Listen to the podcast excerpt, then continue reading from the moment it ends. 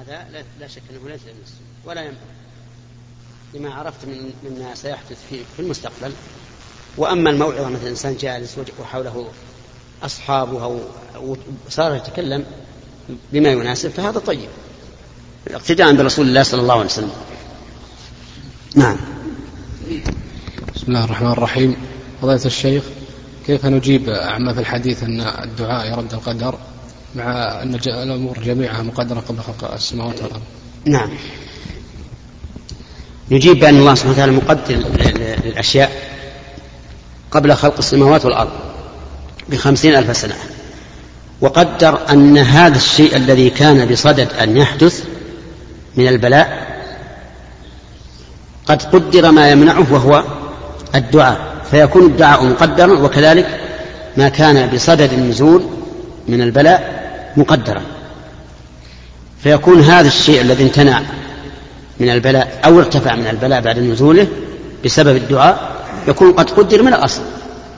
أنه سيرتفع بهذا الدعاء أو أنه سيمتنع بهذا الدعاء. فالدعاء مكتوب من الأول والبلاء مكتوب من الأول. فإذا دعا الإنسان أن أن يرفع الله عز وجل البلاء بعد نزوله فارتفع بدعائه كما هو مشاهد الآن. يدعو الإنسان فيرتفع البلاء. فهذا معناه أن الله قد كتب في اللوح المحفوظ أن هذا الدعاء أن هذا البلاء سينزل ويرفعه إيش؟ الدعاء. إذا كل منها مكتوب. كل منهما مكتوب.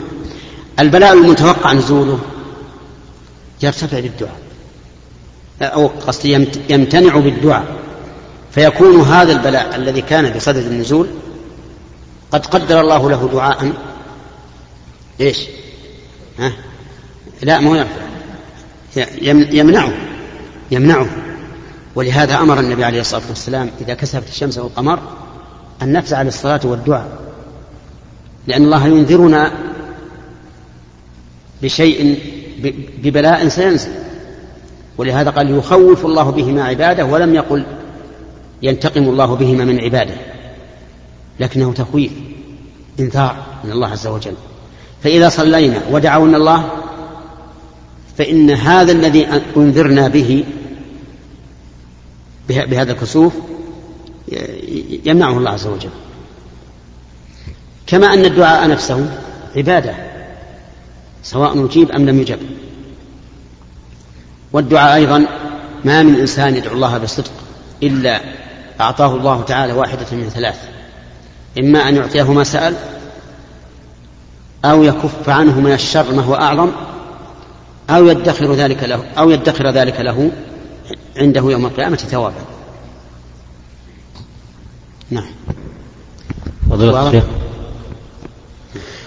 بالنسبة للحج هذا العام آه، أصبح عن طريق حملة فهل يجوز لي إن لم أستطع دفع تكاليف الحملة وخاصة ومعي أهلي أن أذهب إلى مكة وأحرم من هناك من هناك؟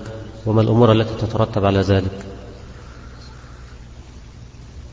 هل الحج فريضة؟ نعم فريضة. طيب. إذا كان فريضة وكان يمكنك أن تذهب إلى مكة ولكن لابد أن تحرم من الميقات لأنك تريد الحج والعمرة. لا أستطيع دفع تكاليف الحملة تبقى كثير علي؟ إذا كان إذا كنت لا تستطيع فلا, فلا فليس عليك حج. ومن الممكن من الممكن أن تخبر أحد من الإخوان اللي يعرفونك والناس يحبون الخير. نعم. يحبون الخير. نعم. الله المستعان.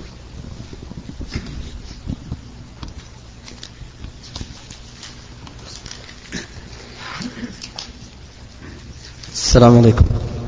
أقول يا شيخ حفظك الله ما حكم توزيع كل العقيقة وإخراجها خارج البلاد؟ مع العلم لعدم حاجة أهلها للحم هذا هذه للحم هذه العقيقة وباستطاعتهم أن يقيموا بدلها وحدة في ثانية يعني في في نفس البلد. نعم. آه، بالمناسبة لهذا السؤال أود أن أبين للإخوة الحاضرين والسامعين أنه ليس المقصود من ذبح النسك سواء كان عقيقة أم هديا أم أضحية اللحم أو الانتفاع باللحم. الانتفاع باللحم يأتي أمرا ثانويا. المقصود بذلك هو أن يتقرب الإنسان إلى الله بالذبح. هذا أهم شيء. أما اللحم فقد قال الله تعالى لن ينال الله لحومها ولا دماؤها ولكن يناله التقوى منكم. وإذا علمنا ذلك تبين لنا خطأ من يدفعون فلوسا ليضحى عنه في مكان آخر أو يعق عن أولادهم في مكان آخر. لأنه إذا إذا فعلوا ذلك فاتهم المهم بل فاتهم الأهم من هذه النسيكة وهو التقرب إلى الله بالذبح. وأنت لا تدري من يتولى ذبح هذه. قد يتولاها من لا يصلي. يتولاه من لا يصلي فلا تحل. قد, يتل قد يتولاه من لا يسمي عليها فلا تحل. قد يعبث بها ولا يشترى إلا شيء, إلا شيء لا, لا يجزي. فمن الخطأ جدا أن تصرف الدراهم لشراء الأضاحي أو العقائق في مكان آخر. نقول اذبحها أنت. بيدك إن استطعت أو بوكيلك واشهد ذبحها حتى تشعر بالتقرب إلى الله سبحانه وتعالى بذبحها. وحتى تأكل منها لأنه لأنك مأمور بالأكل منها. قال الله تعالى فكلوا منها وأطعموا البائس الفقير. وقد أوجب كثير من العلماء على الإنسان أن يأكل من كل نسيكة ذبحها تقربا إلى الله كالهدايا والعقائق وغيرها. فهل ستأكل منها وهي في محل بعيد؟ لا. وإذا كنت تريد أن تنفع إخوانك في مكان بعيد فابعث بالدراهم إليهم. ابعث بالثياب إليهم. ابعث بالطعام إليهم. وأما أن تنقل شعيرة من شعائر الإسلام إلى بلاد أخرى فهذا لا شك أنه من الجهل. أنا أعتقد أن الذين يفعلونه لا يريدون إلا الخير. لكن لا ليس كل من أراد الخير يوفق له. ألم تعلم أن أن الرسول عليه الصلاة والسلام أرسل رجلين في حاجة فلم فحضرت الصلاة وليس معهما ماء فتيمما وصليا ثم وجد الماء فأحدهما توضأ وأعاد الصلاة والثاني لم لم يعد الصلاة. فقال الذي لم يعد الصلاة أصبت السنة؟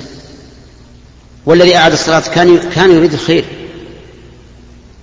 فشفعت له نيته هذه وأعطي أجرا على عمله الذي كرره لكن هو خلاف السنة. ولهذا لو أن الإنسان أعاد الصلاة بعد أن سمع بأن السنة عدم الإعادة لم يكن له أجر. لكن هذا كان له أجر لأنه كان لا يعلم أن السنة عدم الإعادة. فالحاصل أنه ليس كل من أراد الخير يوفق له. وأنا أخبرك وأرجو أن تخبر من يبلغه خبرك بأن هذا عمل خاطئ ليس بصواب.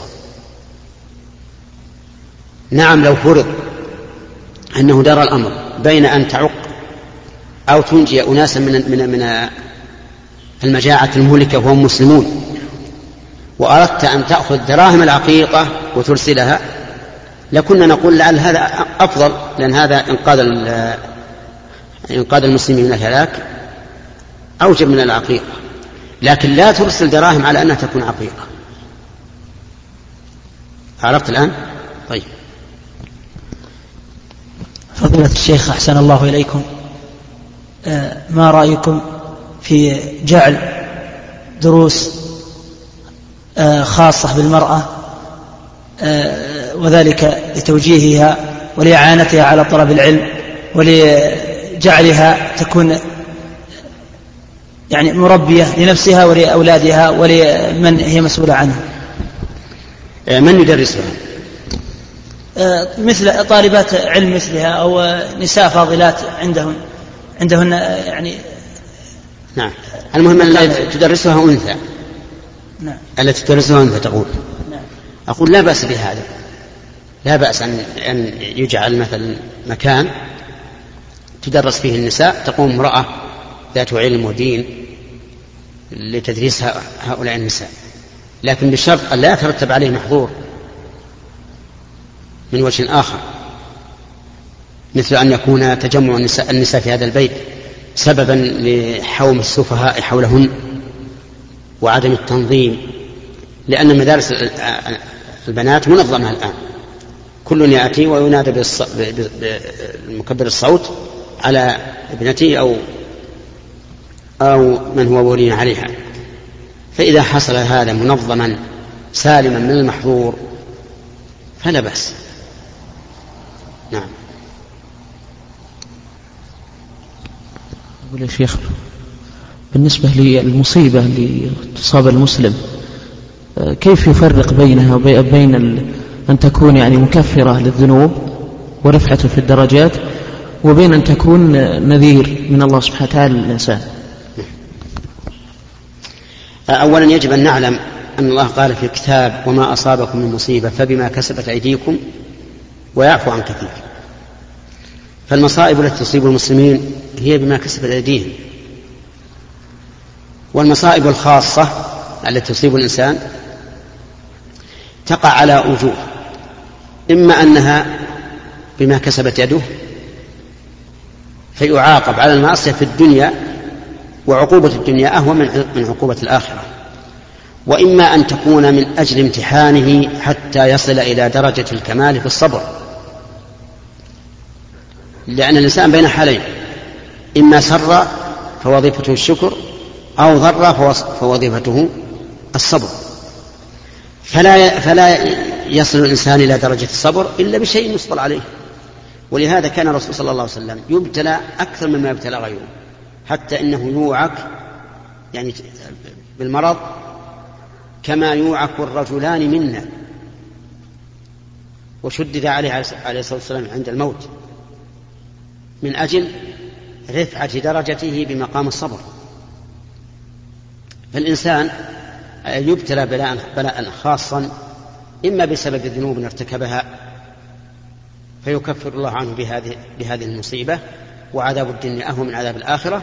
ولهذا بعض الناس إذا إذا فعل ذنوبا ثم حصل عليه مصائب وبلايا يشكر الله على هذا لأنه يقول علم الله بذنبي فعاقبني في الدنيا قبل الآخرة وعقوبة الدنيا أهون من عقوبة الآخرة. فيجعل ذلك نعمة يشكر الله عليها عز وجل. والإنسان إذا أصيب ببلاء فله ثلاث حالات بل أربع حالات.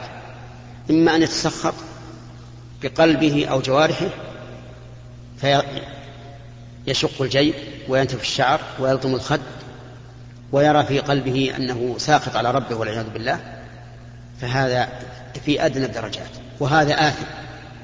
تبرأ منه الرسول عليه الصلاة والسلام. قال ليس منا من ضرب الخدود وشق الجيوب ودعا بدعوى الجاهلية. وإما أن يصبر ويحتسب مع كراهته لما حصل. فهذا قام بالواجب قام بالواجب وله أجر الصابرين. له أجر الصابرين. وإذا احتسب الأجر على الله فإنما يوفي فإنما الصابرون أجرهم بغير حساب والثالث حالة أكمل من الصبر وهي الرضا. الرضا أكمل من الصبر. الصابر ساخط للبلاء لكنه صابر.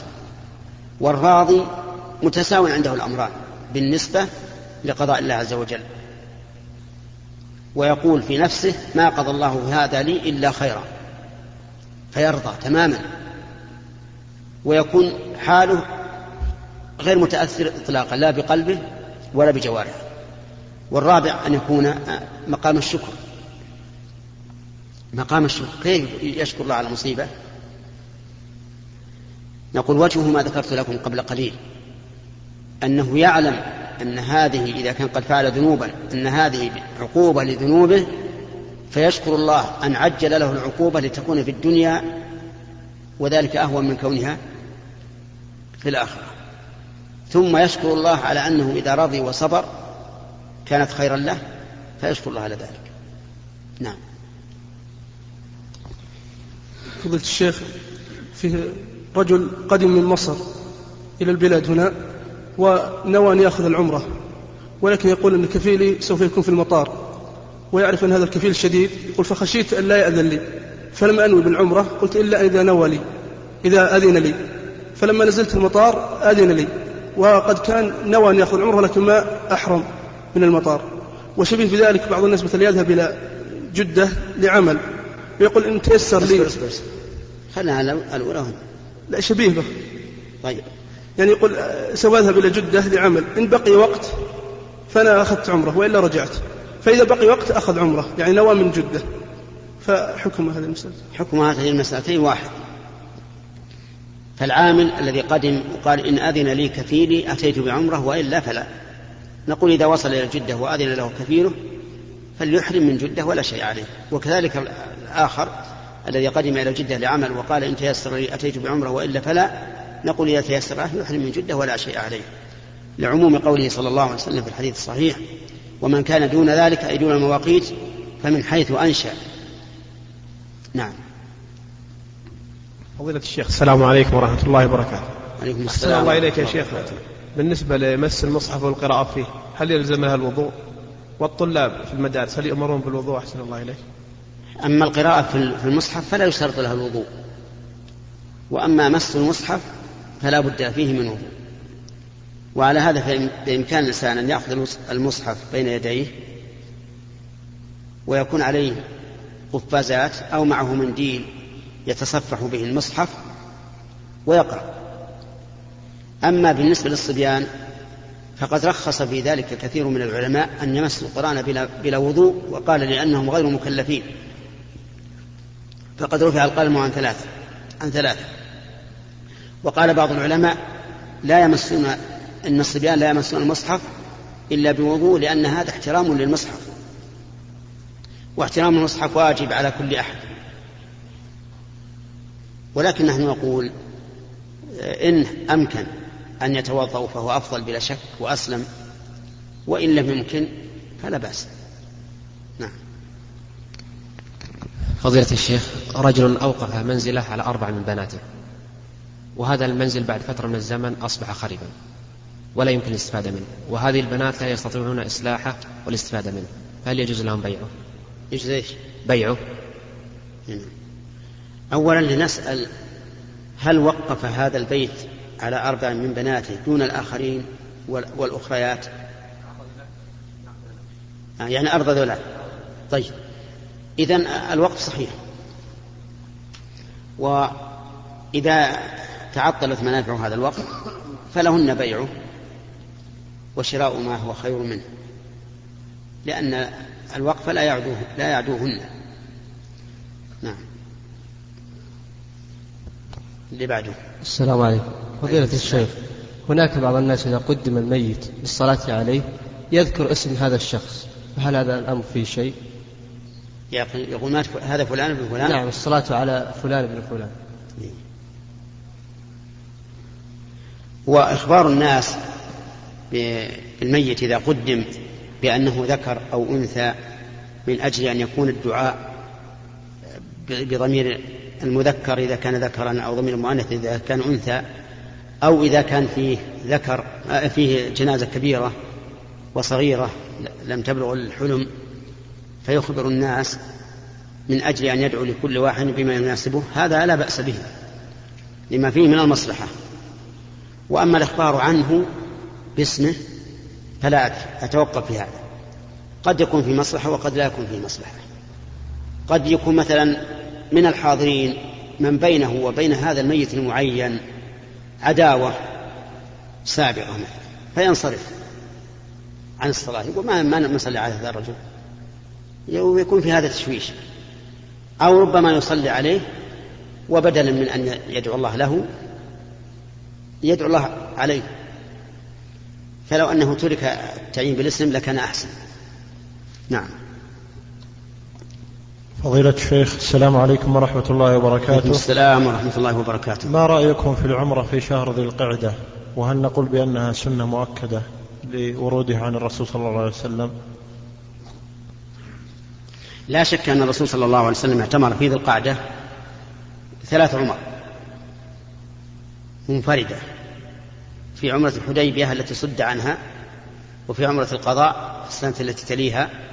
وفي عمرة الجعرانة في السنة التي تليها أيضا وفي عمرة حجه حيث كان قارنا في السنة العاشرة. والعمرة في أشهر الحج في عهد الرسول عليه الصلاة والسلام كانت مؤكدة لأنه في عند الناس عقيدة فاسدة عند العرب في الجاهلية أنه لا لا اعتمار في أشهر الحج. لا اعتمار في أشهر الحج وأن أشهر الحج للحج. حتى أن الرسول صلى الله عليه وآله وسلم لما أمر أصحابه الذين لم يسوقوا الهدي أن يجعلوها عمرة استغربوا ذلك. قالوا يا رسول الله كيف نجعلها عمرة وقد سمينا الحج؟ قال افعلوا ما أمرتكم به. وقد استحب بعض العلماء أن يعتمر الإنسان في أشهر الحج اقتداء برسول الله صلى الله عليه وآله وسلم. حتى إن بعض العلماء تردد هل العمرة في أشهر الحج أفضل أم العمرة في رمضان. نعم. السلام عليكم. عليكم السلام ورحمة الله. أحسن الله عليك يا شيخ. بالنسبة قام شخص في أحد المساجد أو شاب؟ إيش؟ قام شاب في أحد المساجد مج- مجتهد؟ وتكلم عن بعض البدع في الصلاة. وقال من البدع أقامها الله وأدامها عندما يقيم المقيم. لما انتهى قام شخص آخر وأنكر عليه في نفس المسجد وقال هذه ليست بدعة لأنها وردت في حديث ضعيف والحديث الضعيف يؤخذ به في باب الفضائل. في إيش؟ باب الفضائل. نعم. على حد قول الرجل هذا. نعم. ويستند على فتوى. ها؟ يستند على فتوى الشخص هذا وعلى كلام أحد المشايخ. أي نعم. قول القائل إذا قال المقيم أقامها آه، قد قام الصلاة أقامها الله وأدامه هو مبني على حديث ضعيف كما قال الأخ الأخير. فالحديث بهذا ضعيف ولكن بعض الفقهاء أخذ به وقال إنه يقول كما يقول المقيم إلا عند قد قامت الصلاة فيقول أقامها الله وأدامه. وما دامت المسألة فيها خلاف بين علماء السنة؟ فلا ينبغي أن نقول لمن قالها إنه مبتدع. وأما قول الأخير إنها في فضائل الأعمال ففضائل الأعمال لا تثبت بها الأحكام. فضائل الأعمال لا تثبت بها الأحكام بس أقصد فالأحاديث الضعيفة لا تثبت بها الأحكام. ومن قال إن الأحاديث الضعيفة يحتج بها في الفضائل فمراده أنه إذا ورد الحديث الضعيف في فضيلة عمل من الأعمال ثبت ثبت بالسنة لكن فيه فضل وهذا الفضل جاء في حديث آخر ضعيف. قال فإننا نأخذ بهذا الضعيف لأنه إن كان الثابت مأمورا به كان هذا الحديث الضعيف الذي فيه الفضيلة دعما لهذا الأمر فيزيد الإنسان نشاطا. ثم إن كان الحديث صحيحا فهذا ما يريده الإنسان وإن لم يكن صحيحا فإن لم فإنه لم يزده إلا قوة في الطاعة. وإذا كان الحديث نهيا وورد تحذير عن هذا الفعل في حديث ضعيف فهذا التحذير إن كان صحيحا فالإنسان قد سلم من, من, من هذه العقوبة وإن كان غير صحيح فهذا لا يزيده إلا بعدا عن المعصية وهو أمر مطلوب. فالحاصل أن الحديث الضعيف لا يمكن أن يثبت به حكم من الأحكام. حتى قد قامت الصلاة ما نثبتها بالحديث الضعيف. فمن لم يصح عنده الحديث فإنه لا يقوله ومن رأى أن الحديث حسن وأنه حجة قالها. ولذلك يقول العلماء لا يجوز الاحتجاج بالحديث الضعيف إلا بشروط ثلاثة. الأول أن لا يكون الضعف شديدا. والثاني أن يكون لهذا العمل الذي فيه الفضل. أو التحذير أصل ثابت. والثالث أن لا يعتقد أن الرسول صلى الله, صلى الله عليه وآله وسلم قاله. وليس, وليس الاحتجاج بالضعيف على إطلاقه بل يحتج بالضعيف في باب الترغيب وفي باب الترهيب بشرط أن يكون لهذا المرغب فيه أو المحذر عنه أصل ثابت. نعم. وأظنكم سمعتم الآن الأذان وهو الحد الفاصل لهذه الجلسة وإلى جلسة أخرى إن شاء الله تعالى وسيكون إن شاء الله الكلام فيها عن الحج وما يتعلق به لقرب موسم الحج. نسأل الله تعالى أن يثبتنا وإياكم بالقول الثابت في الحياة الدنيا وفي الآخرة. الحمد, الحمد لله الذي فرض الحج على عباده إلى بيته الحرام ورتب على ذلك جزيل الأجر ووافر الإنعام. فمن حج البيت فلم يرفث ولم يفسق خرج من ذنوبه كيوم ولدته أمه نقيا من الذنوب والآثام. والحج المبرور ليس له جزاء إلا الجنة دار السلام. وأشهد أن لا إله إلا الله وحده لا شريك له ذو الجلال والإكرام وأشهد أن محمدا عبده ورسوله أفضل من صلى وزكى وحج وصام صلى الله عليه وعلى آله وأصحابه الكرام وعلى التابعين لهم بإحسان ما تعاقبت الليالي والأيام. وسلم تسليما كثيرا. أما بعد فيا أيها الناس اتقوا الله تعالى وأدوا ما فرض الله عليكم من الحج إلى بيته حيثما استطعتم إليه سبيلا.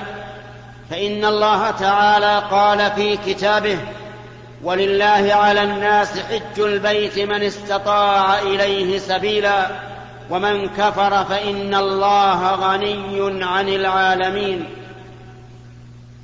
وقال النبي صلى الله عليه وسلم الإسلام أن تشهد أن لا إله إلا الله وأن محمدا رسول الله وتقيم الصلاة وتؤتي الزكاة وتصوم رمضان وتحج البيت إن استطعت إليه سبيلا.